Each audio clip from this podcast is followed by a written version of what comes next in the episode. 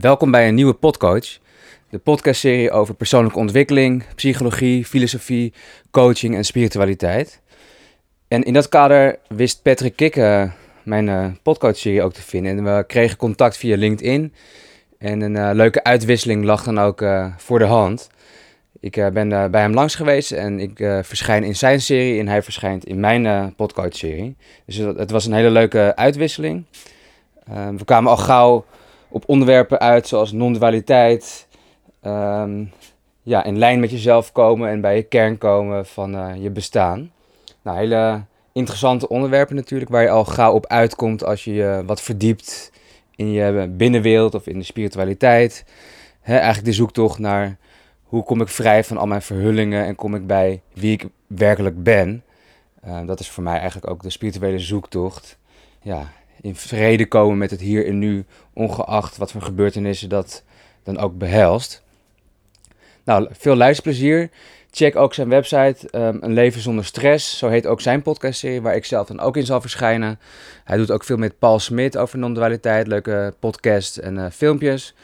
Um, nou, wil je nou meer over mijn coaching weten? Ik doe uh, loopbaan en levensloop en ik help mensen hun eigen geluid ontdekken in een uh, wereld vol ruis. Wil je daar meer over weten? Check dan demuncoaching.com. Voor nu heel veel luisterplezier en laat zeker weten wat je ervan vindt. Like en subscribe ook zeker op mijn kanaal, zodat ik in de toekomst nog meer leuke gasten uh, kan gaan verwelkomen.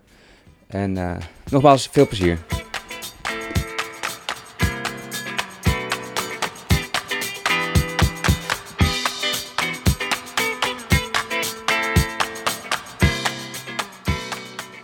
Check, check, check.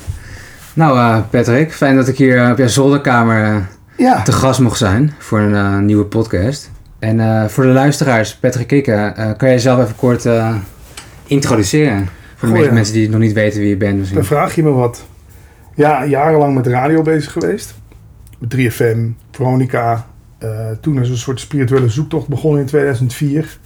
Door een relatie die overging. Ja, je hebt toch een soort crisis vaak, hè, waardoor je gaat zoeken kom ik uit bij Eckhart Tolle. Ah, ja. Van de kracht van het nu. Alles gelezen, gekeken, weet ik wat allemaal. En in de tussentijd ontstond ook de behoefte om erover te praten. Dus ben ik een podcast gestart met Paul Smit. Praten over bewustzijn. Die tegenwoordig op Spotify Filosofie met Mayonaise heet. Ja, dat heb ik gezien. Ja. ja. Eh, omdat we daar ooit een keer van afgegooid zijn, denk ik, nou dan doen we maar een nieuwe naam. Um, en ja, in de tussentijd misschien wel 500 interviews opgenomen met alle spirituele sprekers in Nederland en verder buiten ook echt een zoektocht. Jezelf levensvragen gaan stellen? Of hoe ging dat precies? Ja, dat deed ik sowieso altijd al. Ik bedoel, ik was altijd thuis de amateurfilosoof. Je kent, oh, ja. kent dat wel, denk ik. Ja. Mijn vader ook zei van ja, achter hebben we onze amateurfilosoof weer. Als ik me afvroeg, inderdaad dingen als... Hoe kan het nou dat er überhaupt iets is? Iets moet toch... Er moet eerst iets anders zijn voordat het dat iets, iets erin kan verschijnen. Weet je Net als een tekening heb je eerst papier nodig. Mm Schilderij heb je eerst een doek nodig. Dus ik, ik ben altijd heel erg gefascineerd door de vraag: waar verschijnt dit allemaal in? Ja, dat is een goede vraag natuurlijk ook. Je, je hebt natuurlijk je gedachten, maar wat, wat hoort die gedachte? is dat dan ook wat je ermee bedoelt? Precies, er is een soort waarnemer. Hè? Ze noemen het ook wel in filosofie waarnemendheid. Er is iets op de achtergrond wat alles zit te aanschouwen. hè? Mhm. En ja, maar met die plek identificeren we ons vaak niet. We identificeren ons met die kwebeldoos hiervoor in het hoofd. Hè. Ja, de gedachten en de gevoelens en uh, de ideeën die we allemaal hebben. Ja, ja, de verhalen vertellen wordt het ook wel eens genoemd. Ego. Ja, nou ja, dat vind ik, dat vind ik machtig interessant. En uh, die, dat, dat, klinkt voor de luisteraar misschien nog als een dualiteit. Je hebt de gedachten en de gevoelens en iets wat dat kan waarnemen. Mhm. Terwijl ik weet van jouw podcast, jij praat enorm veel over non-dualiteit. Ja. Dus niet die, twee, uh, uh, die tweeheid, zeg maar. Ja. Um, hoe, hoe, staat dat in, in verhouding met elkaar? Dat is een goede vraag. Nou ja, non-dualiteit beweert dat dit gewoon allemaal één verschijning is. Dus inderdaad, wij, wij maken onderscheid. Hè. Wij zeggen, daar zit Ram, uh, zeg ik nou Ramon of Ramon? Ramon, ja. Daar zit Ramon, hier zit Patrick. Dat is jouw microfoon, dit is mijn microfoon. Dat is jouw drankje, dit is mijn drankje. Het is ook allemaal wel functie. Het heeft ook wel zijn functie, want dan, anders ga ik jouw drink opdrinken dadelijk. Maar uiteindelijk is het allemaal één verschijning in het onnoembare, zullen we maar zeggen. Mhm. Dan kan je zeggen, ja, wat heb ik daar dan nou aan? Nou, daar heb je aan dat je je iets minder gaat identificeren met alles. Dan is het niet meer zozeer mijn drankje en oeh, weet je, dat ben ik, dat drankje. Of mijn auto. Nee, dan is het gewoon in de verschijning een auto en we doen alsof die van Patrick is. Weet je wel? Maar dat klinkt ook een beetje alsof er een soort collectieve bron van bewustzijn is waarin iedereen verschijnt. Uh, maar dat, we, uh, dat het een illusie is dat wij individuen zijn eigenlijk. Ja, dat, ja, dat wordt in onder de tijd heel erg beweerd. En natuurlijk kan dat heel erg schrikken zijn. Je denkt, wacht eens even, die ik is maar een verhaaltje wat ik mezelf vertel. Hè? Moet ik dan gaan ontikken? Of uh, moet ik mijn individualisme opgeven? Nee, je ziet in dat je feitelijk nooit afgescheiden bent geweest van de rest. Alleen, het is functioneel. Je gaat niet bij de bakker zeggen... ongelimiteerd bewustzijn wil graag twee bruine bolletjes. Snap je? Dat is echt handig. Dan zeg je nog steeds... ik wil graag twee bruine bolletjes. Ja. Maar dan wordt het een soort speelsigheid. Net als kinderen kun je toch zo mooi aan zien. Die spelen doktertje. Die spelen, oh dan ben jij nu de indiaan, dan ben ik de cowboy, weet je wel? Ja, maar een metafoor. Ja. ja, eigenlijk gaat dat altijd zo door. Maar ja, wij, wij gaan ons op een gegeven moment heel erg identificeren met onze rollen. En dan ben ik echt die bankbediende. Of ik ben echt die discjockey. Ja, dan wordt, begint het lijden. Want je bent natuurlijk niet 24 uur per dag discjockey. Dat, dat, dat houdt niemand vol.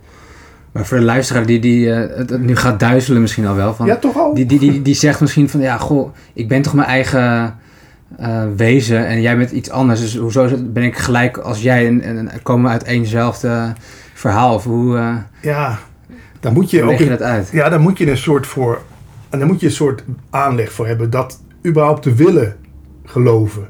Kijk, ik, ik, zeg, ik noem non-dualiteit altijd een soort werkbaar model. Je, wil, laten we nou eens ervan uitgaan dat het, dat het zo zou kunnen zijn. Weet je wel? Wat doet dat dan met je? Ja, mij gaf het heel veel ontspanning. Ja. Echt ontkramping letterlijk. Want dan is het gewoon voor mij net zo belangrijk of dat jij het nu naar je zin hebt, dat ik het naar mijn zin heb. Dus dan denk ik niet alleen ik heb dorst. Nee, dan denk ik ook Ramon zal misschien ook dorst hebben. Snap je? je wordt, ik ben er een heel veel vriendelijker mens door geworden. Die gewoon zijn omgeving net zo belangrijk vindt als zichzelf.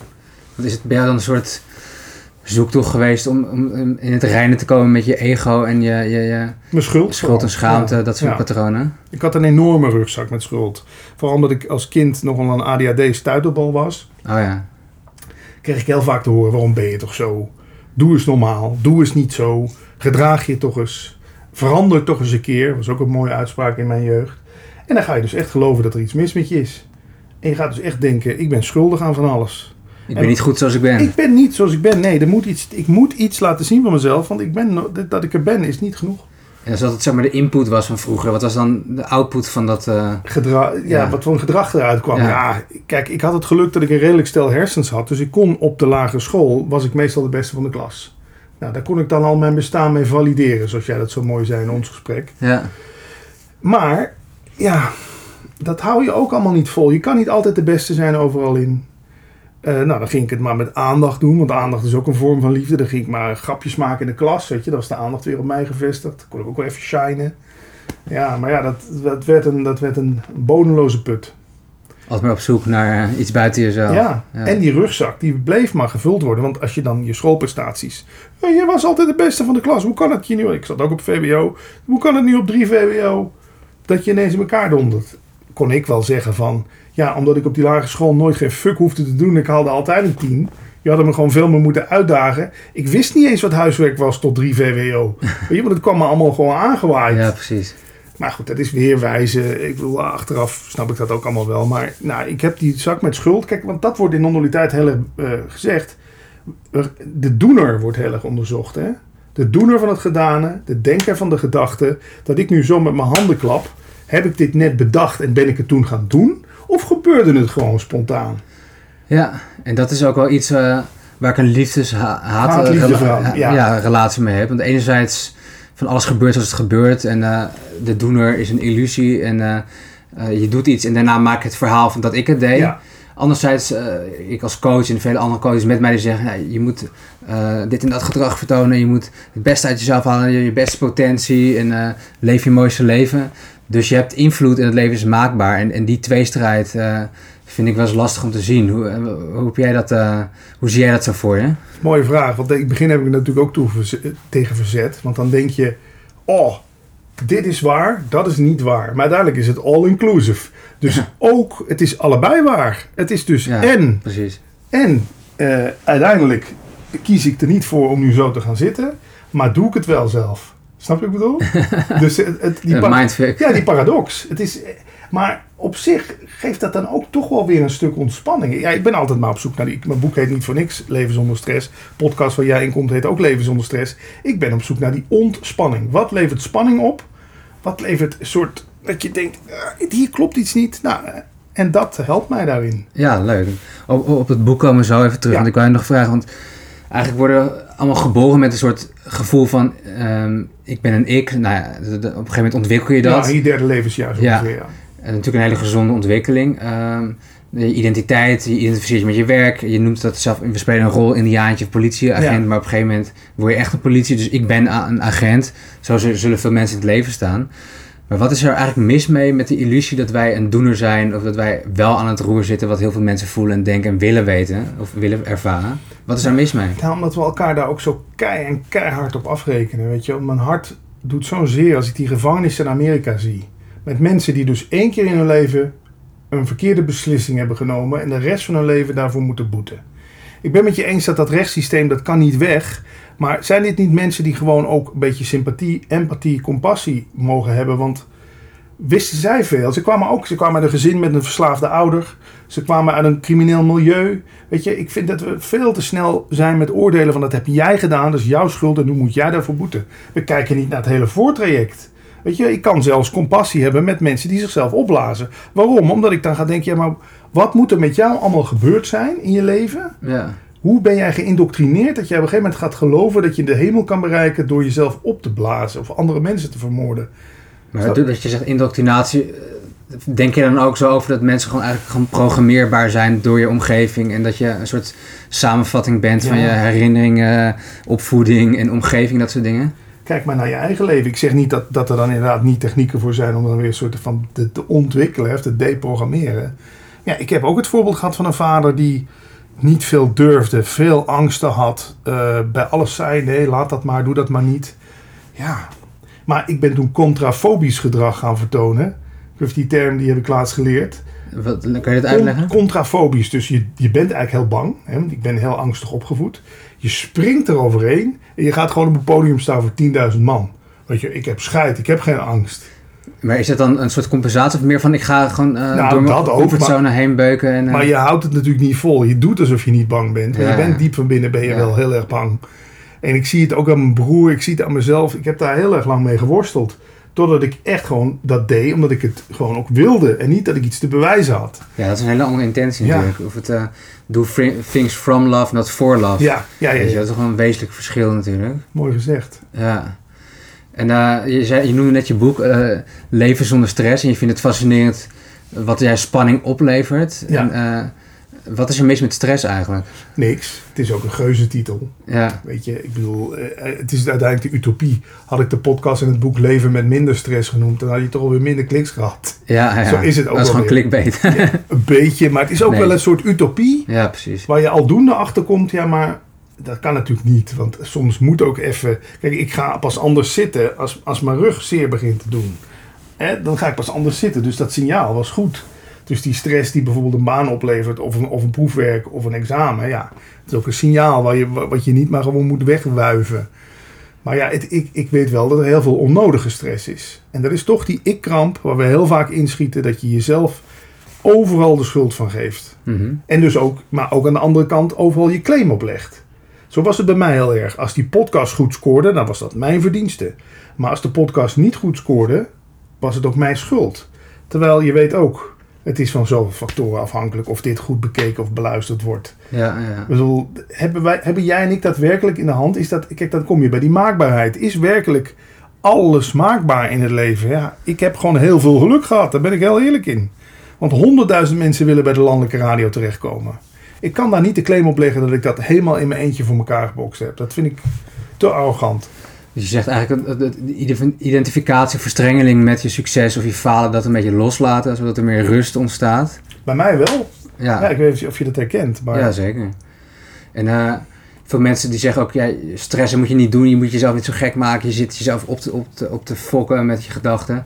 Denk je dan in het kader van de dualiteit dat mensen dat zelf doen, zichzelf stress, uh, stresserig maken? Nee, het is ook aangeleerd gedrag gewoon. Want ik kom ook uit een gezin waarbij als mijn vader, nou ja, als mijn moeder bijvoorbeeld een kopje koffie liet vallen, was het, ach wat ben ik weer stom geweest. Nou, ah. dat sla je als kind op. Als ik een fles cola openmaakte bij mijn, uh, bij mijn ouders, en het was zo, weet je wel, ik. Dat is al gauw bij een fles cola. Ja, ja, ja, dat is al gauw. Dan was mijn vader als de kippen erbuiten zeggen van, wat doe je nou weer? Weet je, wat doe jij nou weer? Terwijl ik maak een, dan zeg ik ook, pa, ik maak een fles open. Ja, maar dan had je toch wel kunnen verwachten dat die fles. Ik wist niet dat die fles gevallen was. Weet je, dan kom je in dat soort discussies terecht. Ja, Maar het mooie daaraan vind ik wel, moet ik even goed nadenken dat ik het even goed vertel. Is dat ik, ja, ik kwam erachter, mijn vader liep al, die was dan nu de leeftijd die ik ben, 46, nou toen was ik 13 of zo. Die liep al rond met een enorme zak met schuldgevoel. Mhm. Dus die kon op het moment dat hij mij even de schuld gaf van iets, voelde hij zich eventjes wat lichter. Snap je wat ik bedoel? Dan kon hij even zichzelf, dan gaf hij even zichzelf niet de schuld, dan gaf hij mij de schuld. Ja, toch gewoon projecties. Ja, ja. maar dat weet je als kind natuurlijk niet. Dus daar, daar leer je wel van, ja, ik ben overal verantwoordelijk voor. Hoe ik eruit zie, wat ik zeg, wat ik doe, hoe ik loop, hoe ik slaap, of ik snurk. weet je? dat is vermoeiend allemaal. Is vermoeiend. Maar dan heb ik eens een keer van zo'n non gehoord. Zegt hij, zegt hij tegen mij, maar groei jij je haar? Groei ik mijn haar? Wat is dat voor een rare vraag? Nee, mijn haar groeit gewoon. Oké, okay, groei jij je nagels? Nee, dat doe ik ook niet. En als jij iets drinkt, hè, dan zeg je ik drink. Oké, maar zeg je dan ook ik slokdarm, ik maag? Nee, als het eruit komt, zeg je weer ik plas. Snap je? En zo leerde dat hij. Het zichtbaar is. Ja, hij, hij leerde me dat er heel veel processen in ons leven gaan gewoon automatisch. En door dat belachelijk te maken, door te zeggen long je nog of groei je je haar nog, kun je iets meer die ik-identificatie met alles wat er dus blijkbaar gebeurt met dit poppetje, kun je een beetje loslaten. Ja, waar, waar houdt het op inderdaad? Hè? Dat, dat je het gevoel, ik doe dit of... Waar begint het, waar eindigt het, ja. Maar ook met gedachten is het zo dat je toch gauw denkt, ik dacht aan dit en ik heb dit bedacht. Maar dat, dat, dat, openbaart zich ook maar in je bewustzijn zomaar. Ja, en ook dit gesprek, weet je, wie kan hier nou een claim opleggen? Dit is een fijn gesprek, omdat blijkbaar dit zich nu afspeelt zo. Ja. Maar ik durf zelfs te beweren dat dit zo'n fijne gesprekken zijn die wij hier voeren. Doordat we ons ik-jasje hebben we gewoon even aan de kapstok gehangen. We zitten hier gewoon open naar elkaar toe. Geïnteresseerd te zijn. We zijn een soort open aandacht voor elkaar. En straks trekken we ons ik-jasje weer aan. En dan ontstaat er weer afstand. En dan nemen we afscheid. En dan ga jij je weg en ik me weg. En dan, en dan, ja, dan lost dat weer op.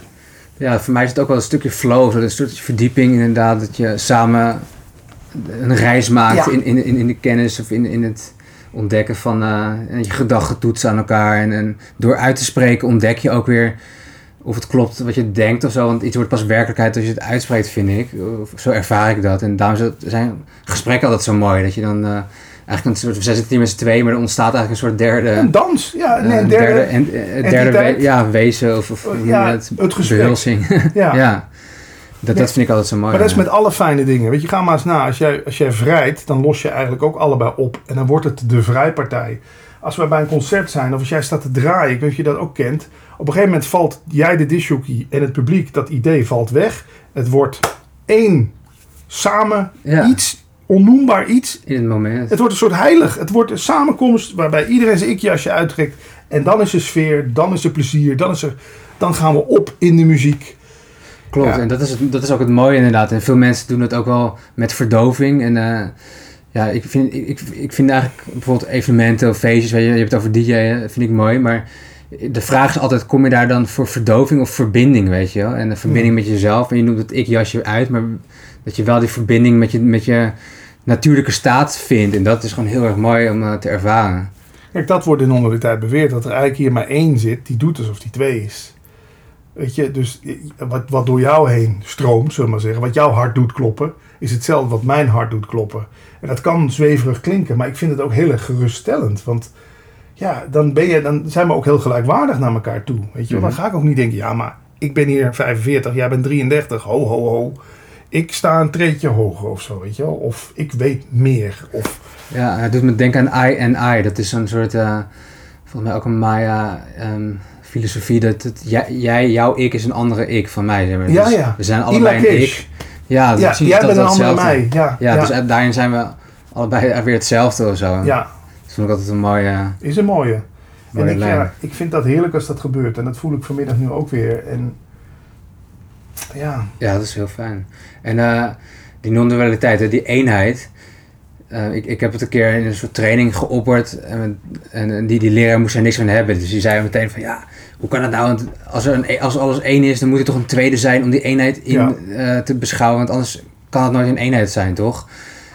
Uh, wat zou jij daarop zeggen als, als, iemand dat tegen jou zei? Het is ook geen eenheid. Daar wordt ook door leraar op gehamerd. Het is geen twee, zeggen ze dan. Maar wat het dan wel is, laten we open.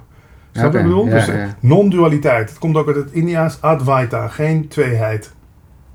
Maar je komt in taal terecht. En taal is natuurlijk per definitie dualistisch.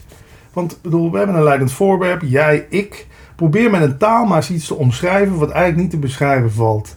Nee, het is een beperking. Maar je, je omschrijft het dus wat het niet is. Maar als je een kat gaat omschrijven, ik wil, zie je daar een poes lopen, ga je gewoon niet zeggen: het is geen hond, het had geen, geen uh, slagtanden en had geen dit. maar dat is wel waar je mee bezig bent. Waarom doen we dat dan? Ja, dat is omdat, ik weet ook niet waarom dat is. Het, is. het is zo fijn op de een of andere manier ook, toch? Je, je, dat je gewoon, ja, weet ik niet. Het is iets, je probeert het onbeschrijfelijk te beschrijven, ja.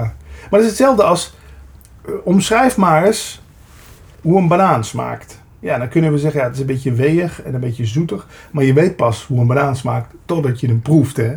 Tot het in ervaring. Ja, dus we kunnen... Daarom is het zo fijn om hiermee bezig te zijn en te mediteren... en naar satsang te gaan, zo'n spirituele bijeenkomst... en hier, hier naar te luisteren en films over te kijken. Omdat dan... Het wekt iets van dat gevoel op, zo, weet je wel. Ik heb een soort gevoel dat het wel eens waar zou kunnen zijn. Maar bewijzen kan ik het ook niet, natuurlijk. Nee, nee precies. Even terug naar je boek. Um, Um, hoe heb je dat vormgegeven? Dus de luisteraar denkt misschien, ja, ik wil ook wel praktische tips om minder stress uh, om mijn werk te ervaren of wat -hmm. dan ook. Ik zit natuurlijk ook in de loopbaan. Um, wat mogen de, de, lezers verwachten om eruit te halen uit het boek? Ja, het is eigenlijk heel simpel. Het komt er eigenlijk op neer. Er is eigenlijk maar één echt probleem in de wereld. Of er is iets wat we niet willen, of we willen iets dat er niet is. eigenlijk is het daar allemaal toe te herleiden wat eigenlijk daarnaar wijst van nou, dingen zijn zoals ze zijn. Dingen zijn eigenlijk per definitie neutraal. Is deze zolder rommelig? Ja, de een die heel veel netheid houdt zou zeggen ja. De ander zegt nee. Ik, die is perfect, alles ligt er op zijn plaats hier. Wat zegt het over de zolder? De zolder is neutraal. Het is het verhaal wat jij en ik ervan maken. En ja, daar, daar, uh, uh, dat, daar gaat het boek eigenlijk, daar komt het boek eigenlijk steeds op neer. Ja, want we kleuren alles wel eigenlijk zelf in met onze eigen filters en ideeën. Die plakken we lekker op de werkelijkheid en zo is het allemaal. Ja. Voor de een is het een rommelige zon en voor de ander is het gewoon relaxed. Ja. ja. en dat zie je nu ook weer. De een vindt iemand te bloot gekleed, de ander zegt van nou dat had nog een tandje bloter gekund. Ja, wie heeft er gelijk? Eh, we hebben zien een tv-programma. De een vindt het waardeloos, de ander vond het fantastisch. En, dan gaan, en daar zijn we dan de hele dag elkaar over aan het bestrijden. Hè? Van, ja. ja, maar ja, argumenten aandragen. Hij vond het ook slecht. Ja, maar hij vond, zij vond het ook goed. Maar daar wil ik even een associatie ermee maken. Want tegenwoordig kijkt iedereen reviews en zo. Het, het gemiddelde van een groep. Um, vind je dat dan een goede ontwikkeling als je dat in die lijn... Uh Zet. Ja, dat beperk je ook wel. Ik ben er ook gevoelig voor. Omdat we natuurlijk zoveel te kijken hebben op Netflix. We hebben zoveel apps om te installeren. Ik ben ook. Ik ga ook kijken naar de top apps. En dan denk ik voor mijn dochter een spelletje. En dan kijk ik bij de top gratis apps. Oh, dat zal wel een leuk spelletje zijn. Want dat spelen al heel veel mensen. Tuurlijk, ja, het, het heeft ook wel zijn functie. Alleen, we voeren daar zoveel oorlog over. Hè? Want ja, dan, ga ik, dan zie ik een review bij een spelletje. Wat ik, daar ben ik het niet mee eens. Twee sterren. Waarom? Ja, wat, die verdediging van je eigen waarheid. Want een waarheid moet verdedigd worden. Ik zit hier ook absoluut niet om non-dualiteit te verdedigen. Als je het er niet mee eens bent, of de kijker of de luisteraar, top. Hou zo. Weet je wel? Dit is iets, uh, heb je gevoel voor? Het is net alsof ik jou ineens van hardrockmuziek moet laten, laten houden. Dat lukt mij toch niet? Ja, ja. Dus, nee, precies. Maar je kan wel wat zaadjes planten zo, weet je. Je gooit dus een balletje op en je voelt vanzelf wel of iemand erop aangaat. Maar ja, waarderingen. Ik, ik vind, kijk je de serie Black Mirror? Op ja, dat vind ik echt waanzinnig. Ik vind het ook doodeng tegelijkertijd. Ja. Het gaat natuurlijk over die technologische ontwikkeling van de toekomst. Ja. Maar er is ook zo'n aflevering toch waarbij we elkaar cijfers geven. Ja, social ranking. Ja. Alhoewel ik het ook wel weer, dat ik dacht, ja, waarom zou ik alleen maar een taxichauffeur punten mogen, uh, waarom zou ik alleen maar een taxichauffeur mogen reviewen? Hoe heb ik me gedragen in die taxi? Dat vind ik, kan bij Uber toch volgens mij ook. Nou, met Airbnb kan je wel de gasten ja. een, een, review geven, dat dan weer wel. Ja, dat vind ik dan eerlijk, weet je wel. We zijn ook inderdaad veel te veel van, ja, zij zijn slecht, maar oh, ja, voor mij niks. Maar het komt er wel aan, denk ik. Ook in China zijn natuurlijk met die social points en zo. Ja, heel bizar. Het is eng, maar langs de andere kant, ja, het is het spelletje wat zich hier afspeelt. En zolang je het iets luchtiger kan gaan zien hier, weet je wel, je komt met niks, je gaat met niks. we nemen het allemaal zo bloedserieus wat we hier zitten te doen, hè? Maar je zegt dus eigenlijk, we maken ons druk om iets wat we willen hebben, maar niet hebben. Of iets wat we wel hebben, maar niet willen. Ja, zeg maar. dat is vaak. Heb je daar een voorbeeld van? Ja, bij, bij alles. Weet je, ik, ik woon dan hier nu in een rijtjeshuis. Ja, dan denk ik soms zoals jij had eigenlijk vrijstaand dat ik iets minder last van de buren gehad. Maar als ik heel eerlijk ben, heb ik nu ook niet veel last van de buren. Waarom zou ik dan... Zo zit ik maar de hele tijd... Ja, weet je? In vergelijking. Ja, terwijl uiteindelijk... En ik maak ook wel eens de vergelijking met 100 jaar terug. Had, hadden mensen dit... Die hadden mij en jou als een koning omschreven. Die hebben een toilet. Weet je, of die hebben een koelkast en magnetron. Wat is dat voor luxe? Ja, Weet je, wij zitten nu alleen maar te denken van ja, nee, maar ik zou toch eens een nieuwe koelkast moeten. Want ik heb niet zo met ijsblokjesmachine. Of... We zijn wat dat betreft vind ik ook veel te... Ja, we zijn een soort ondankbaar geworden, vind ik, voor alles. Ja, we nemen alles uh, voor lief aan natuurlijk. Ja, dat is wel waar. Maar omdat je alleen in Nederland bent geboren, ben je eigenlijk wel rijk natuurlijk. Ja, je ziet nu met die corona, dan wordt ons een stukje vrijheid afgepakt. Ik vind dat echt een stukje. Ik bedoel, nou, je kan niet naar de film, je kan niet uiteten. Nou, hè, hè, is dat nou zo? Ja. En wat, hoe daar al op gereageerd wordt, verschrikkelijk en mijn leven is niks meer waard. En ik denk, hè? Hoe, wat, ja, ik, ik weet niet hoe jij dat ziet, maar ik kan daar, ik, ik, ik veroordeel het niet, maar ik denk er wel van, maar hoe, kijk eens wat er nog over is dan. Nou, ik, ik, ben er zelf wel redelijk snel aan gewend geraakt. Zo met, met tevreden zijn met wat je hebt en, en uh, wat meer op jezelf zijn. Dus ik vond het eigenlijk wel prettig uh, op een bepaalde manier. Ja. ja. Maar over hoe ben je tot, tot, tot, het schrijfproces gekomen? Je had van idee tot werkelijkheid. Eh, hoe ja, doe je dat? Ik raad het niemand aan een boek maken. Daar ben ik heel eerlijk in. Want het is, het is wel even een, een, een, een spiegel gewoon. Weet je, alles waar je nog mee worstelde. Perfectionisme, uh, moeilijk samen kunnen werken. Ik ben, ik ben wat dat betreft wel een. Het wordt allemaal weer in je neus geduwd. Ja. Dus eigenlijk is net als alles in het leven, was het gewoon weer een heel spiritueel proces. Een boek maken. En het heeft twee jaar geduurd en ik was natuurlijk niet tevreden toen het af was. En, want ik ging op een gegeven moment dat ik bedacht, ik ga eens zoeken hoe vaak het woord ik erin voorkomt. Weet je wel? Ja. Omdat ik natuurlijk in non zo vaak hebben we het over van, ja die ik, dat is maar een idee. Mm 600 keer ik in het boek. dat kan niet. Daar ga je dan. Dat moet teruggebracht worden naar 300. Weet je wel, zo zat ik mezelf weer gek te maken. Maar ben je ook met de andere, met de, heel erg met de lezer bezig die er dan wat van vindt? Die er wat van vindt. En op een gegeven moment heb ik het maar losgelaten. Ik, nou, dit is prima. Het is zoals het is. Het gaat gewoon... Ik, uiteindelijk schrijf je een boek natuurlijk ook niet voor jezelf. Je schrijft een boek voor diegene die ook een burn-out heeft gehad. En die daar dan uh, iets aan heeft. Want je hebt het vanuit de ervaring een burn-out ook kunnen schrijven? Ja. En ik probeer het hele gerust te stellen weer. In het voorwoord en het nawoord kom, gaat het eigenlijk alleen maar over... het is niet jouw schuld. Mhm. Ik weet dat je nu thuis zit. Ik weet nu dat je jezelf vertelt van... wat heb ik toch wel allemaal gedaan. Eerst begin je met wat hebben ze op mijn werk aangedaan. Daarna ga je het op jezelf. En dan kan je het misschien ook gewoon zien als... dit is wat zich nu wilde afspelen. Ja. Het was blijkbaar op op die plek. En er komt iets nieuws. Ja, ja het, is, het jezelf de schuld geven is wel heel gevaarlijk. En dan uh, wijs je jezelf weer af, waardoor je nog meer op zoek gaat Verder naar... in de put. Veel mensen gaan dan nog harder werken. Oh shit, het gaat even niet goed. Ja. Bestrijden met uh, nog harder werken, nog meer publiceren, productief zijn en dan pap. ja, terwijl ik vroeg aan zo'n Advaita-leraar, non-dualiteit Advaita... Hoe zie jij een burn-out? Hij zei meteen, burn-out is een geschenk. Ja. Het, is, het is een soort... Een soort uh, hamer, hoe noem je dat? Zo'n zo'n uh, breekijzer van het bestaan. Wat gewoon even ingrijpt. Zo ja, het lichaam geeft vanzelf wel aan uh, waar de grens ligt. Ja, dit was het. Dat bijzonder eigenlijk. En ook al spartelt je ego, ja, dat is een prachtig instrument. Je spartelt je ego, oh, dak zijn we alles kwijt. Ja, dit doet wel zijn eigen dansje. Toch, toch het blijft een raar fenomeen, zodat je lichaam op een gegeven moment gewoon ja, in een soort slaapstand gaat. Of ja. Ja, dat is toch eigenlijk met alles. Probeer jij bijvoorbeeld maar eens een, even plat gezegd, een erectie te bewerkstelligen. Die is er of die is er niet. Ja. Snap je net als, als nu heb ik een beetje het dorstig gevoel. Ja, heb ik dit zelf veroorzaakt? Nee, dat is er ineens. Honger, idem. Dus ik vind het zo grappig inderdaad, dit ding, dat doet vol automatische werk. En ook zo'n babytje als dat geboren wordt, dat zit dan nog aan die navelstreng vast. Op het moment dat we die navelstreng doorknippen, is het zogenaamd iets aparts van de moeder. Ja, maar dat is daar gegroeid. en dat het nu ineens eigen voetjes en beentjes heeft, is het dan nu een individu? Waar, waar is ineens... Dat, daarom zeggen ook kinderen vaak, Jantje heeft honger. dan wordt ze aangeleerd, je moet niet zeggen Jantje heeft honger, ik heb honger moet je zeggen. Worden helemaal teruggeworpen in dat lichaam. Een baby of een kind tot drie jaar ziet ook geen verschil. Die ziet handjes, maar die weet niet eens dat het zijn handjes Ja, dat komt later natuurlijk. Ja. ja. Het heeft ook wel zijn functie. Ik ben het met je eens. Iemand moet natuurlijk niet op zijn twaalfde nog steeds denken... ik ben één met de kosmos.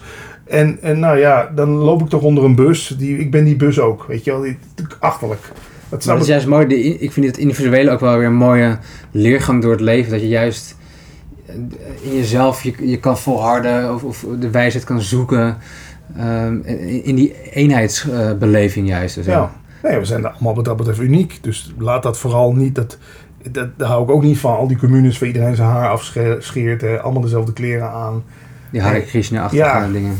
Nou, ik snap al de functie daarvan. Dat je, je wil natuurlijk gewoon die eenheid weer opwekken of zo. En dat gaan we dan doen. Ja. Door allemaal hetzelfde. Net als bij Sensation White trekken we allemaal wit aan, weet je wel. Ja, precies. Ja, dat eenheidsgevoel. Ik zag het ook bij Siddharth, zo'n Google, in, in dat er duizenden mensen in zo'n zaal zitten. Een hele, grote uh, decorstukken. En dan gingen ze uh, liederen zingen en zo. Dat was heel over de top allemaal. Zo. Ja. Het was net een soort sensation, maar dan voor spirituele zang eigenlijk.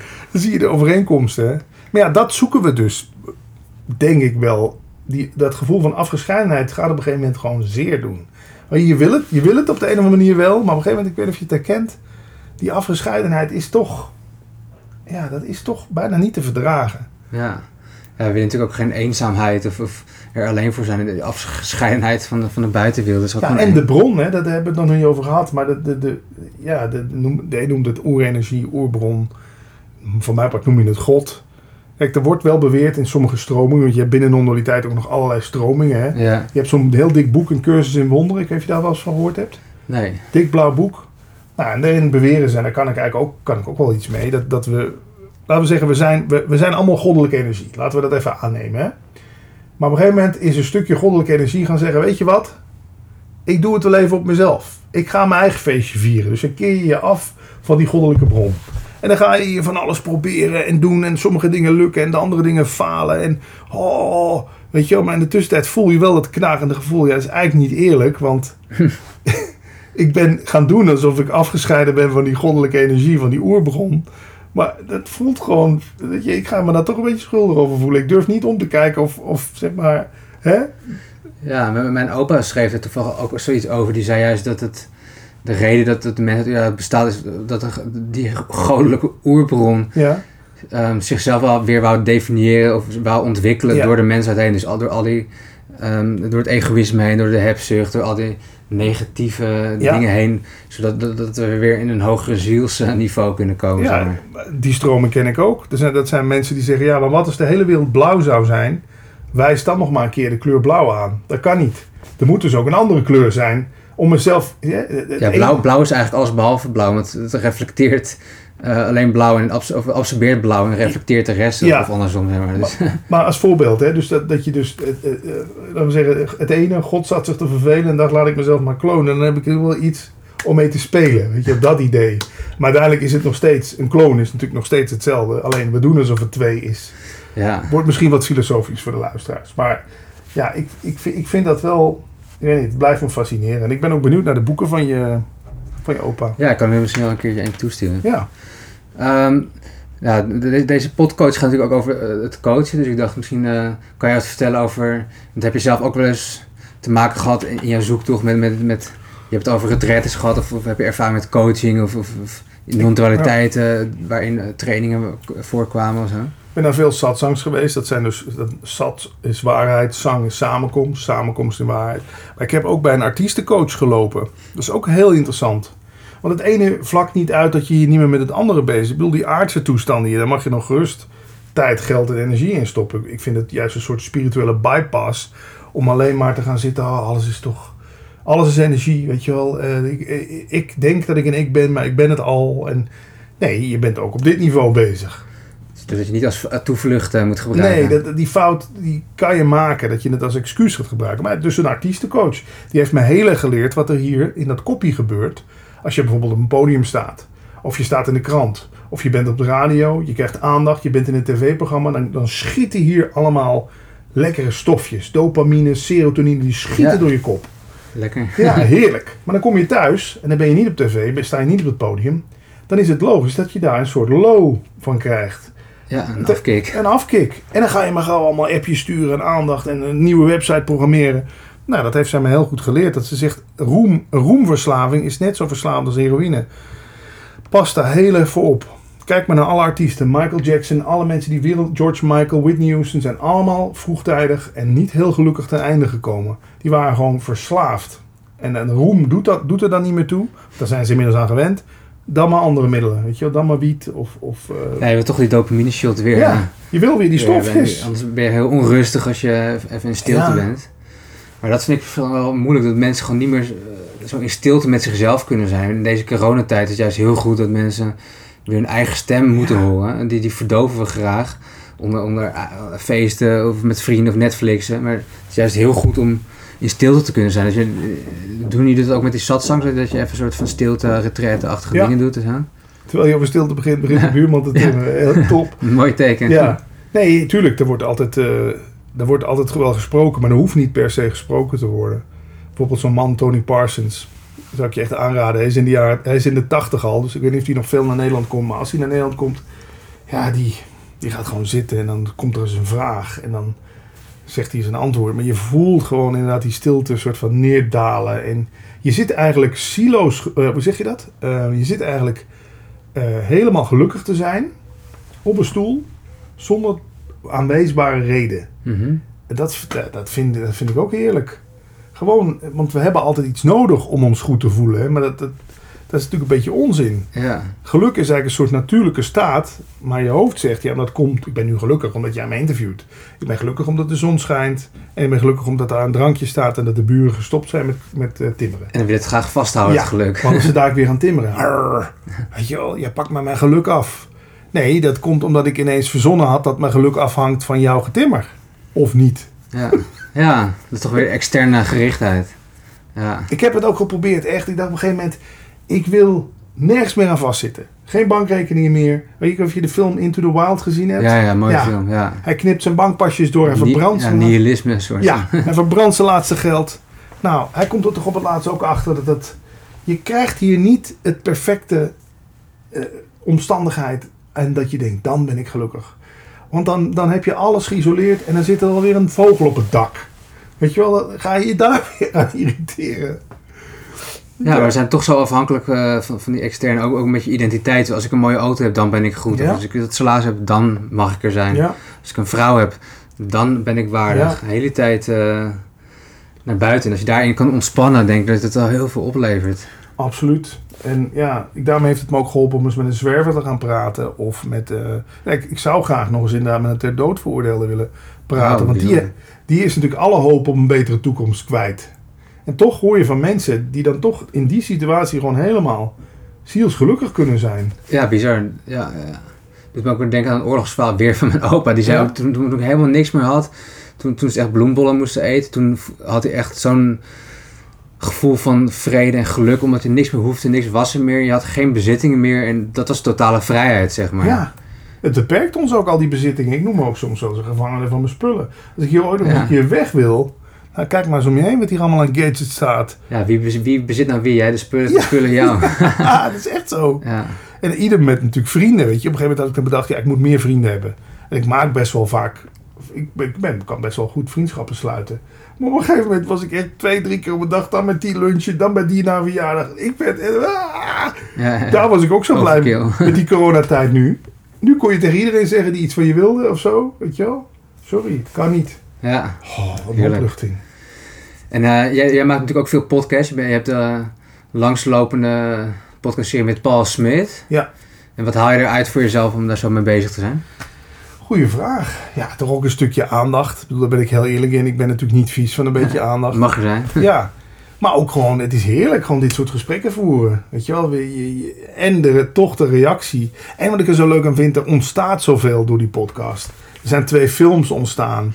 Uh, ik heb mijn huidige vriendin leren kennen uh, door de podcast. Uh, vriendschappen zijn ontstaan. Weet je? We voor 200 mensen in het theater in Haastrecht, toen het nog mocht, hebben we ons tienjarig bestaan gevierd. Mooie bijvangst dan. Ja, dat is toch leuk, man. Ja. Dan zit je in een zaal met 200 toch een beetje net hetzelfde soort mensen die net zo leven of denken zoals jij. En, ja, ik vind die verbinding, ja, dat is toch wat je zoekt.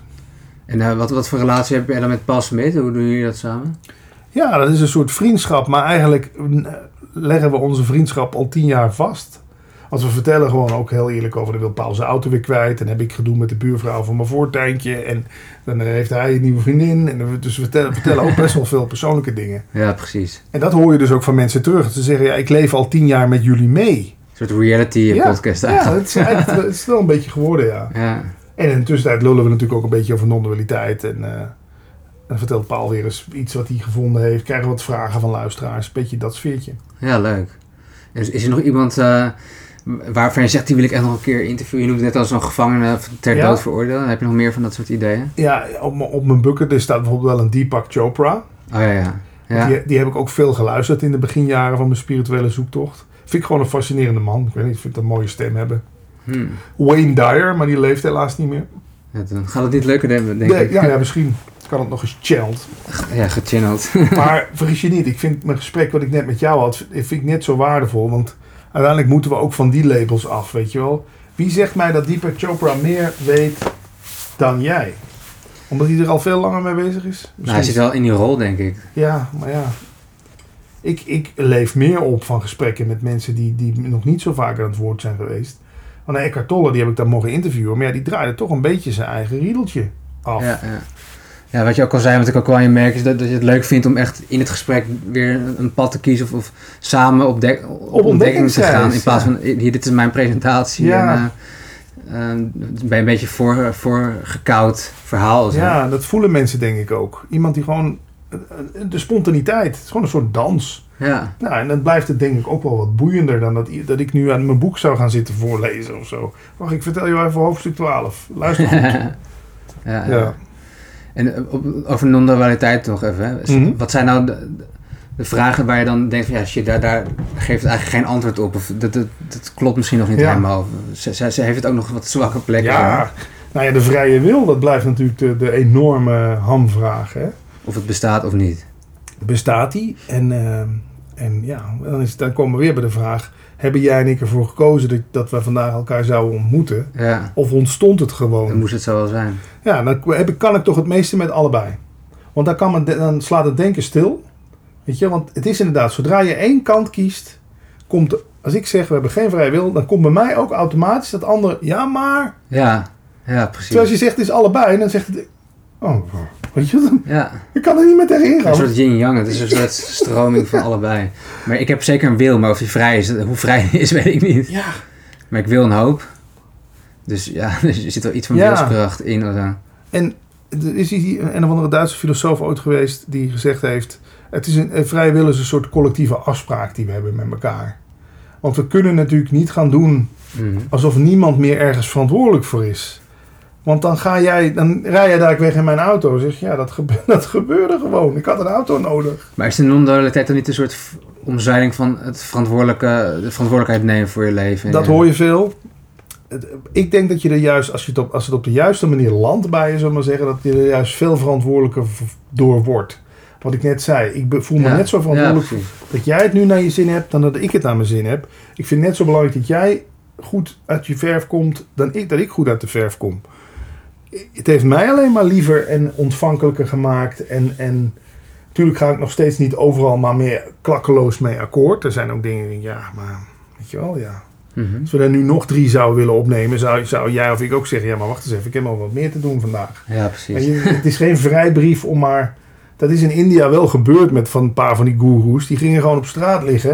En die werden gewoon aangevreten door insecten en zo. Die moesten ze echt gaan oprapen en zeggen: oh, Hallo, Weet je, keer eens terug in dat lichaam. Ja? Ja. Oh, bizar. Want je gaat natuurlijk, je kan jezelf helemaal verliezen ook in dat je denkt, ah, ik, dit lichaam is maar een voertuig. Ik ben, ja, ik ben het al. En oh, lekker in, in bliss, extase. Ja, en dan komt daar een tijger op je afgerend. Of de bus komt net aan. Maar waarom zijn we toch altijd zo op zoek? Uh, je noemde dat eerder ook. Ik ben eigenlijk sinds mijn relatie ook een beetje op zoek geweest. Waarom zoeken mensen altijd? Ja, om denk ik omdat je niet tevreden bent met hoe het nu is. Het is toch een soort van dit kan het niet zijn. Maar als je nu niet tevreden kan zijn, wanneer moet je dan zijn? Ja, dat is het. We hebben altijd alleen maar het hier en nu. Dus. Het, het is ook wel aangeleerd. Er is mij natuurlijk, ik ben ook een tijdje boos geweest op alle reclamemakers van Nederland. Want reclame vertelt ja toch subtiel. Ja, maar wat heb je nog geen Rolex? Als je een Rolex zou hebben, dan ben je gelukkig. Ik ben ook zo'n goedgelovige lul die dat gewoon allemaal geloofd heeft. Weet je? Ik ben het ook overal in gaan zoeken. Oh, ik moet dus een Rolex. Ik moet een nieuwe dus laadje heb je nog een mooie Rolex liggen. Dat helaas niet. Maar als voorbeeld, ik ging overal in mee. De nieuwste hypes, de nieuwste schoenen. Bickenberg schoenen moest ik ook hebben. 150 euro. Liepen voor een meter. Maar ja, er werd mij verteld, dat is de shit. Weet je wel? Dus ja, dan kun je zeggen, dat is wel heel naïef en kinderlijk. Ja, ik moest daar blijkbaar doorheen. Om dat allemaal niet meer te geloven dat geluk ergens anders te halen was. En dat zegt Alexander Smit zo mooi. Hij is helaas overleden. Hij zei: Gelukkig worden is onmogelijk. Je kunt alleen gelukkig zijn. Nu, hier, met dit. En gelukkig doen. Nee, ik denk dat je het ook een soort moet doen of zo. Dat het ook een soort werkwoord misschien is. Ja. Maar de, de, het wekte voor mij de suggestie zoeken van... Oh, als ik dat gevonden heb, dan is het allemaal goed. Of, ja. Maar als je dan wat gevonden hebt, dan, zoek je weer wat nieuws. Dus dan ben je de hele tijd... Het houdt niet op. Zo'n kip zo'n kop uh, aan het ronddolen. Het is die wortel waar je maar net niet bij komt, zo, weet je wel? Ja, je, je zit eigenlijk vaak al op het goud. Het ligt al in de achtertuin uh, verscholen. Absoluut. En we gaan de hele wereld over om het te zoeken. Maar het was toch al, al, lang onder je, onder je dikke reet, zeg maar. Toch zie je dat verhaal, de reis van de held, zoals je het kent. Weet je, dat zie je overal in terug. Ja, ja. Lord of the Rings, My Precious, de ring. Het is eigenlijk het avonturenverhaal. Overal is die schat te vinden. Hè? Ja. En we denken niet... Alchemist ook. Uh, ja, ook ja Paulo Coelho. Ja. Maar toch vind ik het fascinerend. En heb ik het, terwijl ik het zeg, heb ik zelf ook wel die zoektocht. Hoor. Maar uh, ja, wat zoek je dan eigenlijk? Een soort volmaaktheid, of eenheid, of rust, of kalmte, of stilte? Of thuis noemen we het ook wel, hè? Uiteindelijk, als we dan dat me de metafoor weer gebruiken van... je bent van huis weggelopen om het ergens anders te zoeken... heb je toch altijd maar stiekem het verlangen nog van... ja, maar thuis, was ik daar, moet ik daar niet weer naar terug? Maar dan, nee, dan gaan we nog eens even een deurtje verder kijken. Ja, blijkbaar is dit wat zich zo afspeelt. Ja, ik, het heeft ook wel weer iets anders. Hadden we denk ik waarschijnlijk helemaal niks te doen. ja. Toch? Ja. ja, wat moet je dan? Het is ook saai als alles maar vermaakt en kloppend ja. is. Ik heb ook nog steeds dat ik denk van... Oh, als ik toch... Ik doe dan nu een hip-hop show op, op, op Wild FM. Dat moet ook landelijk uitgezonden worden. Weet je? Dan, dan verzint mijn hoofd wel weer... denk ja, maar ik heb er nu toch ook wel plezier in. Wat maakt me dan uit of er nou 10.000 of 100.000 mensen naar luisteren? Ik heb er plezier in. Dus je mag ook best wel... Ik dat wordt in veel spirituele kringen wordt het ego natuurlijk ook helemaal verdoemd je mag soms, ik vind dat juist een, een, goed teken dat je af en toe eens even lekker egoïstisch mag zijn, toch? Ja, dat is gewoon een ambitie en uh, zonder, zonder, ego uh, is ook geen creatie, denk ik. Was de Eiffeltoren waarschijnlijk niet gebouwd. Dat is natuurlijk een enorm symbool van kijk eens wat wij kunnen. ja. Ja. Dus nee, ja, uiteindelijk is het all-inclusive. Dus ook het ego, als, je, als er al zoiets bestaat als een ego, of in ieder geval dat idee dat, dat ik nu iets wil doen wat, wat ik fijn vind, nou, doe het maar. Maar ja, we zijn toch ook op zoek naar die erkenning en bevestiging. En dat, dat vindt het ego ook heel fijn. Dus we zijn altijd op zoek naar groter, meer of sneller of beter. En uh, dat vinden we heel fijn ergens. Ja, tenzij natuurlijk dat een soort van...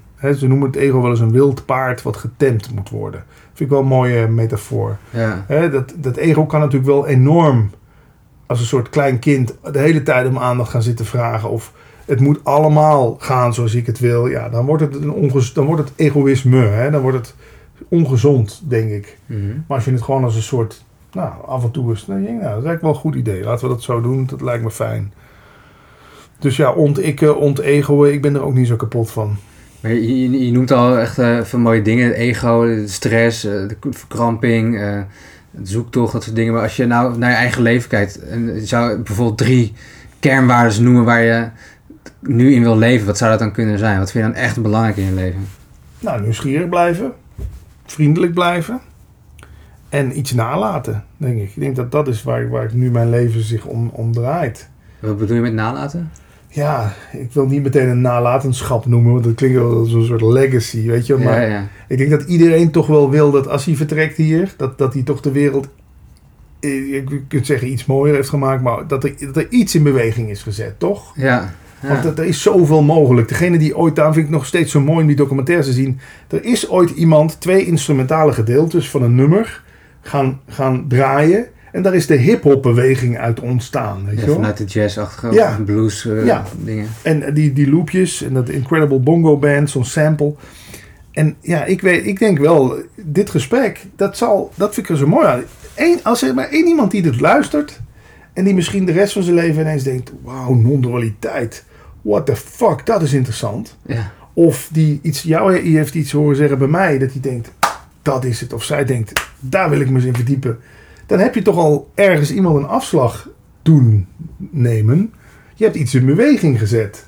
En dat doen jij en ik als disjockey ook. We gaan mensen letterlijk laten, uit hun dak laten gaan. Ja, laten dansen. dat is mooi een bepaalde positieve invloed te kunnen hebben op mensen hun leven. Of iets in beweging te kunnen zetten. Ja, dat is, dat is denk ik mijn... Uh, tenminste voor mij is dat wel belangrijk. Maar je noemt dan um, iets nalaten, dus dat gaat dan over de dood. En dan vraag ik me gelijk af, wat zou je dan op je grafsteen uh, oh, dat is laten mooie. zetten? Wat nou, moet op je grafsteen komen te staan? Uh, neem het leven niet te serieus, je overleeft het toch niet. ja. Die is niet van mij, die is van een zanger, Armand. Maar dat zou ik wel een mooie vinden. Want dat, ik denk als iemand dat zo over zijn begraafplaats loopt, denk ik, ah, want we richten onze levens hier ook in alsof we hier voor duizend jaar zijn of zo. Hè. Maar we zijn hier natuurlijk, maar ik wil, jij bent 33, ik ben bijna 46. Je weet ook, we kunnen daar allebei naar buiten lopen. Er komt een, een dronken vrachtwagenchauffeur en die rijdt ons allebei helemaal aan gort. Ja. Dat was het. Dat zou maar gebeuren. Ja, nee, het zou gebeuren, maar het gebeurt dagelijks. Ik weet niet, als je die cijfers ook leest, dan denk je, wat, zoveel mensen per dag die doodgaan? Ja, dan worden er ook nog zoveel geboren. En mij maar denken dat het, wat jij ook al zei, dat het zo belangrijk is. Hoe jij die vliegangst overwonnen hebt, wat je vertelde. Dan denk je, ja, maar wat, oké, ja, dan ben ik er niet meer. Is dat dan echt, is dat dan nou echt zo erg? Ja, ik, ik vertel dat ben ik nou echt zo onmisbaar belangrijk. En uh, ja, je uitzoomt ben je maar een soort zandkorreltje in het universum. Ken je dat filmpje dat ze zo uitzoomen van de planeet aarde zo en, en, en die zonnestel? Dat, dat, oh, ja. je echt denken, dat stelt helemaal niks voor. Ja, bizar hè? Ja. Toch maar, uh, neem het allemaal heel serieus. Ja, maar langs de andere kant is het ook wel... Ik vind het ook goed... Want die moet ook niet te veel opstijgen natuurlijk. Dat, dat is wat ik net vertelde van mensen die helemaal uit hun lichaam treden. Die dit helemaal, die dit helemaal waardeloos... Ik bedoel, uiteindelijk is het toch ook een wonder dat dit überhaupt... Dit, wat heeft het ook niet voor moeite gekost om jou en mij 33 en 46 te laten worden? Weet je, ook voeding. Je ouders, die verzorging, kleding, wassen. Dat is me toch een werk geweest, hé. Ja, echt hè? Ja. en, en dan gaan wij maar, zouden wij maar gewoon denken van, ah, ja. ja, het moet natuurlijk een balans zijn. En het is natuurlijk uh, een beetje van, het is van alles wat natuurlijk. Alle, het zijn meerdere waarheden. Dus ja, het heeft geen zin om jezelf helemaal op te hemelen, maar jezelf ook niet helemaal te niet doen van, ik doe er niet toe. Je doet er natuurlijk wel toe, zeker voor de mensen om je heen.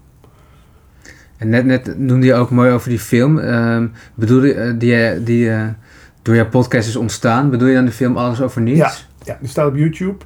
Is twee keer op RTL te zien geweest. Twee keer op RTL 4, één keer op RTL 8. Ja, dat, ik weet niet of je hem gezien hebt. Ja, ja is toch heel mooi. nog een stukje uh, van gekeken. Heel erg mooi geacteerd. En hoe leuk is het dat er allemaal mensen in zitten die ook de podcast luisteren. Dus ja, dat vind ik wel cool. Er is ook een Engelse versie van. Uh, of een Engelse film uit voortgekomen. Who is Alice? Oh, die ken ik nog niet. Ja, moet even kijken of die ook al online staat. Ik geloof het nog niet. Die is echt met professioneel budget en zo gemaakt. Lachen. Ja, ik vind dat wel gaaf. Dat het, van het een komt toch altijd het ander.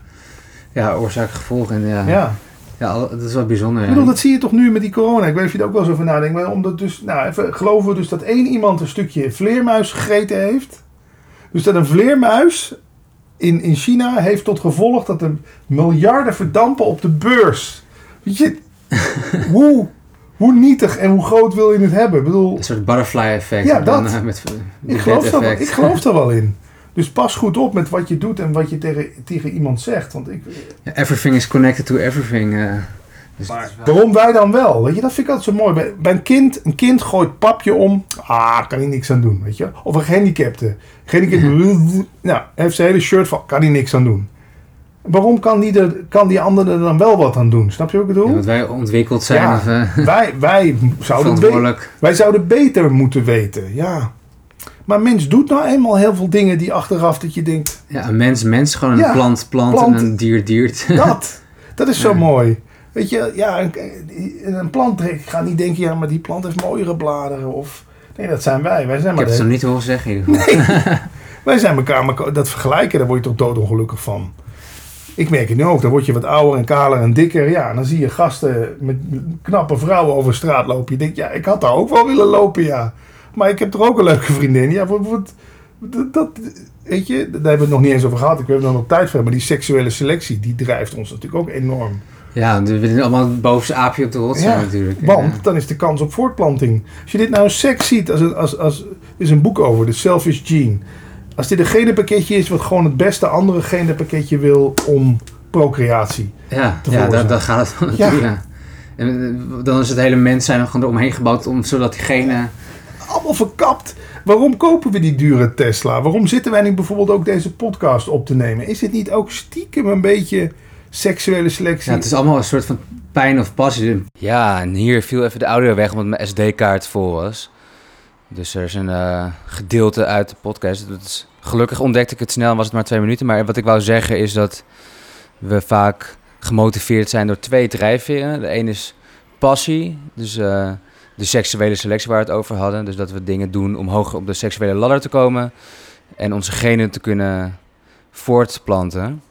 En de ander is juist um, vanuit pijn, dus een gevoel van schaarste of tekortkoming, waardoor we dan heel erg gedreven zijn om meer dingen te vergaren of voor onszelf te regelen en uh, daar door gedreven worden. Um, maar dat kan ook zo gaan dat, dat jij een mooie tekening wil, of dat, het een soort ego is, maar dat dan, komt dan weer voort uit de seksuele selectie om maar um, ja, gezien te worden en uh, interessant te zijn voor het andere geslacht. Toen maakten we een bruggetje naar uh, een nieuwe Advaita. Ik weet niet meer precies hoe we daarop kwamen, maar dan uh, pakt het verhaal weer verder over een nieuwe Advaiting-stromen. Dat is een vrij bizarre stroming vanuit het boeddhisme die dan beweert dat er eigenlijk helemaal niks bestaat, dat alles een simulatie is of een fantasie is. Um, dus dat de realiteit misschien helemaal niet bestaat. Dus het ging mij daar even van duizelen, dus ik, ik had er nog niet van gehoord. Patrick gaat dat even uitleggen, dus hier kunnen we het weer verder pakken. Dat noemen ze Neo-Advaita. Dat zijn mensen die beweren dat nog nooit iets gebeurd is. Hoe vind je die dan? Oké, okay, er is nog nooit iets gebeurd. En dat, die begrijp ik even niet dat het, dit gewoon een droom is. Weet je? Net zoals je hebt vannacht gedroomd dat je Napoleon was. Ja. Nou, dat is in je droom. Heeft oh, zo, dat het een soort simulatie is. Ja, nee, dat het gewoon een soort hologram, een soort uh, ja, ja, die denkbeeldige fantasie. Dit is gewoon een soort, uh, dit is gefantaseerd. Ja, een hard, Einstein zal een hardnekkige illusie dat daar in, in mijn leven. Ja, de realiteit, ja. Maar toch. Ja, ik kan me wel voorstellen. Mensen Wat is het verschil tussen een droom en de realiteit eigenlijk? Dat ik dit nu kan aanraken en uh, beetpakken, tastbaar, uh, dat het tastbaar is. Ik heb met, met een vrouw gesproken die gewoon zegt: Nu ben je aan het dromen. Vannacht in de diepe droomloze slaap ben je wakker. Snap je, snap je wat ze bedoelt? Dus ja, dat, is net omgekeerd weer. Ja, dus dat je dan, dan ben je dus eigenlijk het, het ene wat gewoon. Daarom vinden we, als we zeggen we hebben goed geslapen, dan heb je lekker diep geslapen, weet je. Dat, dat zeggen we altijd, hè. Maar wij, gaan, wij, wij zeggen, dit is echt, weet je wel. En dan weet ik wel, dan kun je zeggen, ja, sla maar eens met een hamer op iemands hoofd. Kan je lekker zeggen dat het een droom is. Maar daar gaat het niet om. Ik, mij geeft het het gevoel van, nou, als dit dan nu echt een hele hardnekkige droom is, dan is dus ook alles mogelijk dan hoef ik me dus niet te laten beperken door angst. Want hé, hey, het is een soort dans. Ja, het is toch een soort dans of een spel. Ja, een spel. Het is een voorstelling. Laten we het dan zo noemen. Een experience. Ja, dan zullen we dus iemand die op, op, op het podium staat in het theater. Die heeft dan ineens de angst om die woorden uit te spreken. Omdat hij denkt, oeh.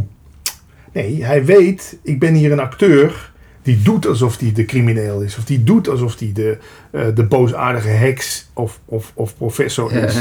Daarom kijken we ook zo Het is toch grappig dat wij ons in een film helemaal kunnen verliezen. We weten dat het, dat het gespeeld is. We weten dat het bedacht is. Het is geschreven. En toch gaan we er helemaal in mee.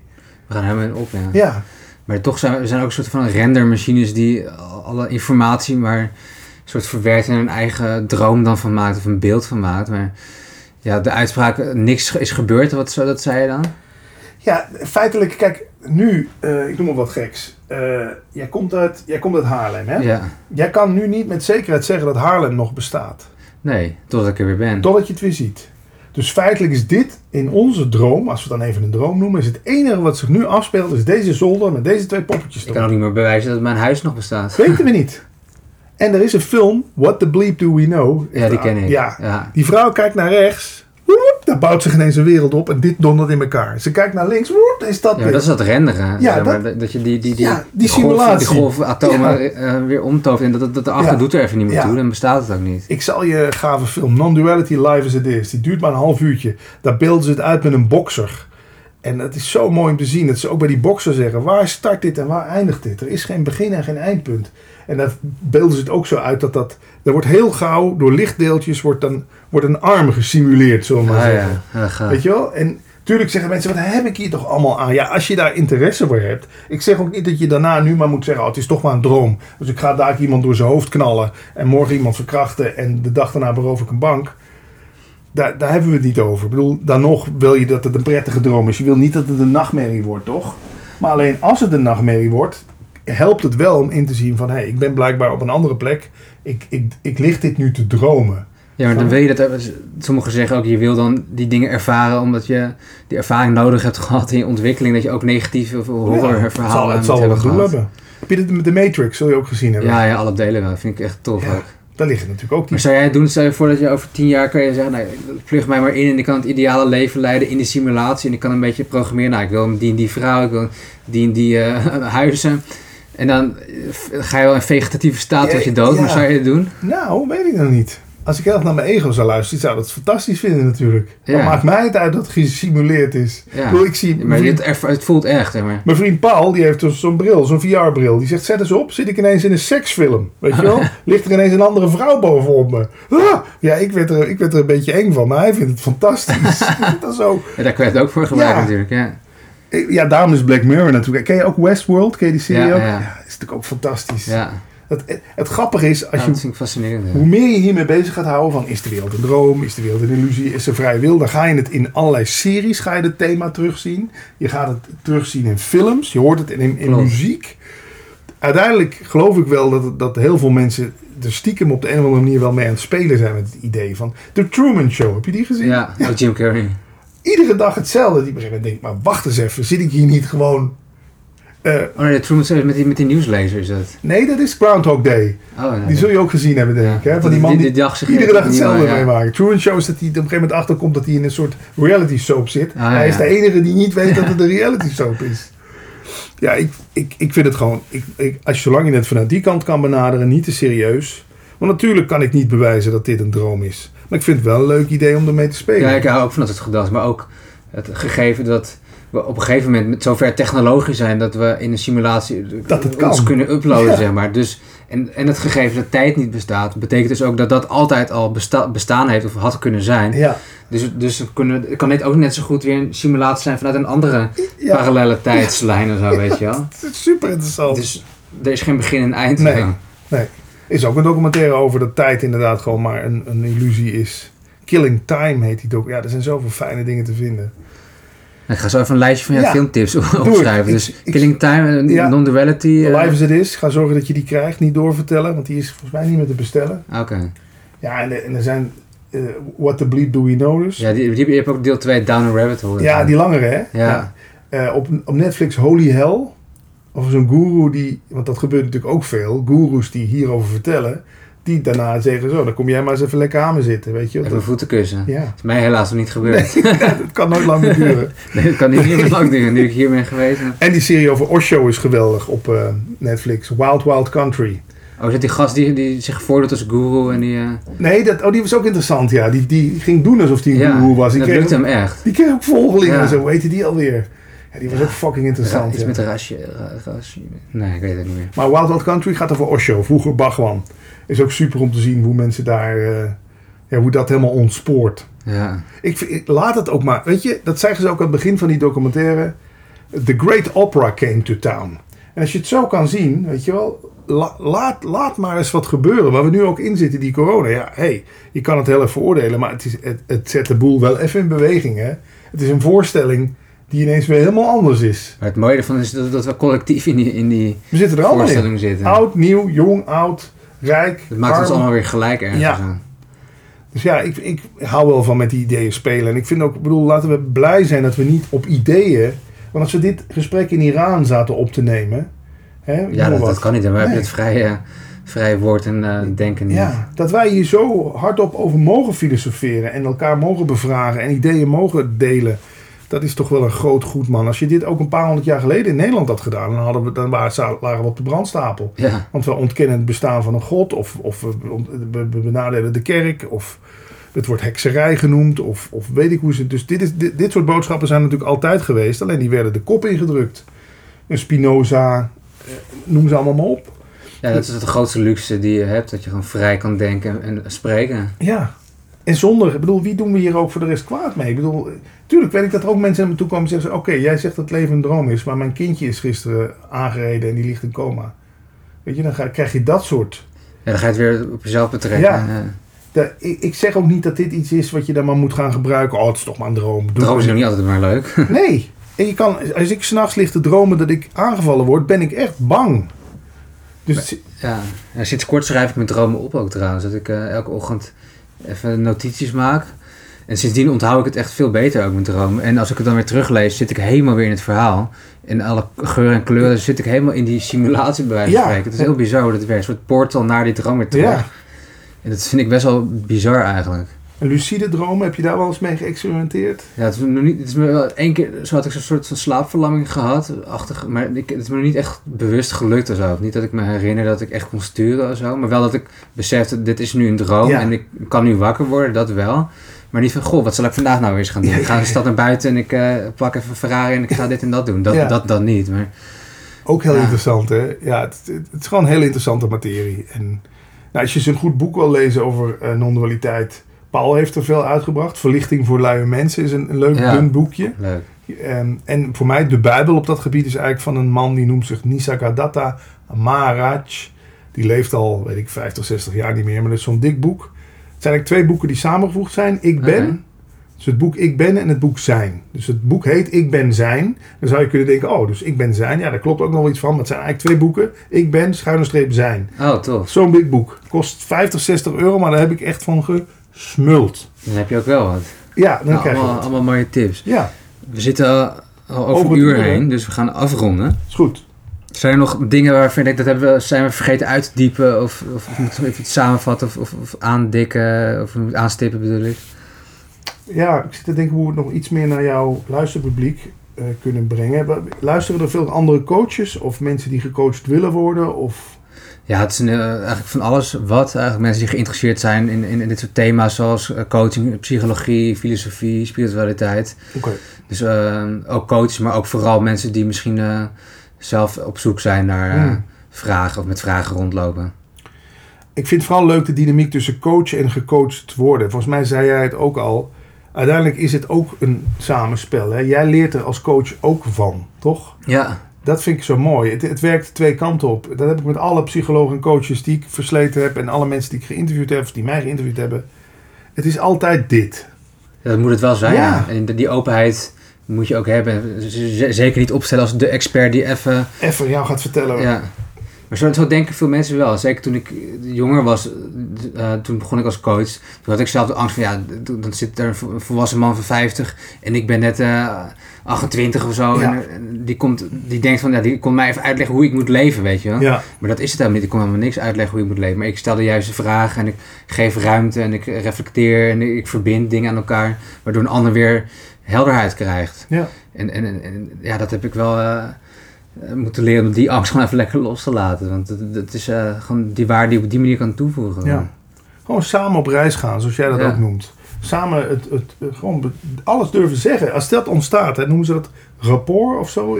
ja, rapport is dat, dat, er een soort diepere verbinding ontstaat. Ook spiegeling in, in lichaamstaal en, en in je stemgebruik. Dat er echt een soort verbinding is. Dat je elkaar in elkaar kan verliezen, zeg maar. Ja, dat voelde ik met jou ook vanmiddag. Weet je, en dat, dan zie je ook eigenlijk dat, dat het ook onzin is om te zeggen: wij kennen elkaar pas. Want dat kennen, weet je wel.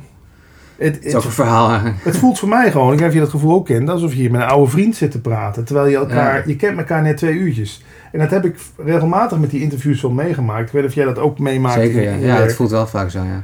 En dat zegt dan je toch... opent toch net zo'n soort wormhole wat weer alles bij elkaar komt. Ja. Even, je hebt andere levens, andere tijd. Ja. Maar toch komt het weer even ja, komt, samen, dat moment. Ja, er komt iets samen. En dat gebeurt soms ook niet. En soms wel. En het, niet dat het met het andere dan iets mis is. Maar dit zijn wel de mooiste ontmoetingen. Weet je, we moeten niks van elkaar we, willen, we staan open voor elkaar. En, en daardoor kon, kon dit ontstaan. En ja, ja ik vind dat toch mooi, dus dankjewel Absoluut. Ja, heel erg bedankt. Ja. Mooi om te horen. En zo ervaar ik het ook wel. Ja. Nou, mooie, mooie afsluiten. Luisteraars, heel erg bedankt voor het luisteren. En uh, voor, uh, voor de luisteraars die jou willen volgen, ook de vraag... Waar uh, vinden ze jou? Ja, het gesprek wat ik met jou gevoerd heb komt dan bij Leven Zonder Stress. Makkelijkste levenzonderstress.nl. En ik schrijf nog columns, die zijn op patrickkikker.nl te lezen. En voor de rest, ja, als je eens googelt op non-dualiteit op YouTube of Google, dan kom je, als het je interesseert, kom je inderdaad de film tegen. Ik heb er honderden interviews over gedaan. Er zijn bijeenkomsten. maar het moet allemaal niet, weet je wel. Het is gewoon, het is net, ik noem het altijd de geur van, je, je loopt door een stad, je ruikt ineens lekkere broodjes, weet je wel. Oh, ik wil die bakker vinden waar die lekkere broodjes zijn. Ja, zo is dat, vind ik, met dit soort onderwerpen ook. Als het je pakt en je hebt er interesse in, Google, maar het hoeft ook niet, weet je wel. Het is, ik, zeg hier niet, ik zit hier niet te verkondigen dat ik de, het nieuwe wereldwonder heb gevonden, waar iedereen uh, weet van moet hebben. Want, weet je wat, uiteindelijk vindt de ander vindt het via weet ik het, Kabbalah of uh, de andere zoekt het via inderdaad uh, muziek, drugs, planten. Ja, ja, dat kan allemaal. Er zijn zoveel wegen. Ja. En dan vind ik het wel leuk om echt af te sluiten met, met de spreuk die op jouw website hebt staan. Ja. Um, met pas met dus non-dualiteit. Er staat zoiets, een spreuk van... Uh, als je boos bent, dan ben je gewoon boos. Of als je uh, verdrietig bent, ben je verdrietig. En als je daar druk over maakt, maak je, maak druk, je druk over. Hoe gaat hij ook weer? Weet je ja, nee, ik weet hem niet uit mijn hoofd. Ja. Maar het komt er eigenlijk... Voor mij is het altijd... Relax, nothing is under control. Ja. Dat, en, en ja, het komt er eigenlijk gewoon neer. Uh, oh, ik heb ook zo'n spreuk. Een dag niet gelachen is een dag niet gelachen. Weet je wel? We maken ja. normaal van een dag niet gelachen is, is een dag, dag niet geleefd. geleefd. Ja, en een dag niet gelachen is een dag niet gelachen. Ja. ja er zit toch meer ontspanning in. Ja, wat moeten we... Ik bedoel, dat, dat, is wel fijn. Nou ja, dan kom je, je, je kwam te laat. Ja, je kwam te laat, ja. En ik weet het, dan zegt het hoofd meteen, oh, dat is lekker makkelijk. Overal je verantwoording voor wegbuiven en zo. Nee, in eerste instantie, wat jij zegt, ontspanning. En daarna kun je gerust nog zeggen, sorry dat ik te laat ben. Weet je wel. Maar er zit niet die kramp achter van, fuck, wat heb ik gedaan? Ik ja. was te laat. Want dan, dan kom je al zo binnen, hè, gewapend en ik moet me verdedigen. Terwijl je gewoon, ja, sorry. Ja. En bij jezelf denk je, ja, ja. Dit is, dan was dit wat er gebeurde. Net als dit gesprek, ja. Daar, stel het is niet opgenomen, dan is het niet opgenomen. Dan hebben we toch een leuk gesprek gevoerd. Het is wat het is. Ja. Nou, lieve mensen, um, hele fijne voortzetting van je dag. Nog bedankt voor het luisteren en tot de volgende podcast. Jij bedankt, uh, Patrick. Graag gedaan.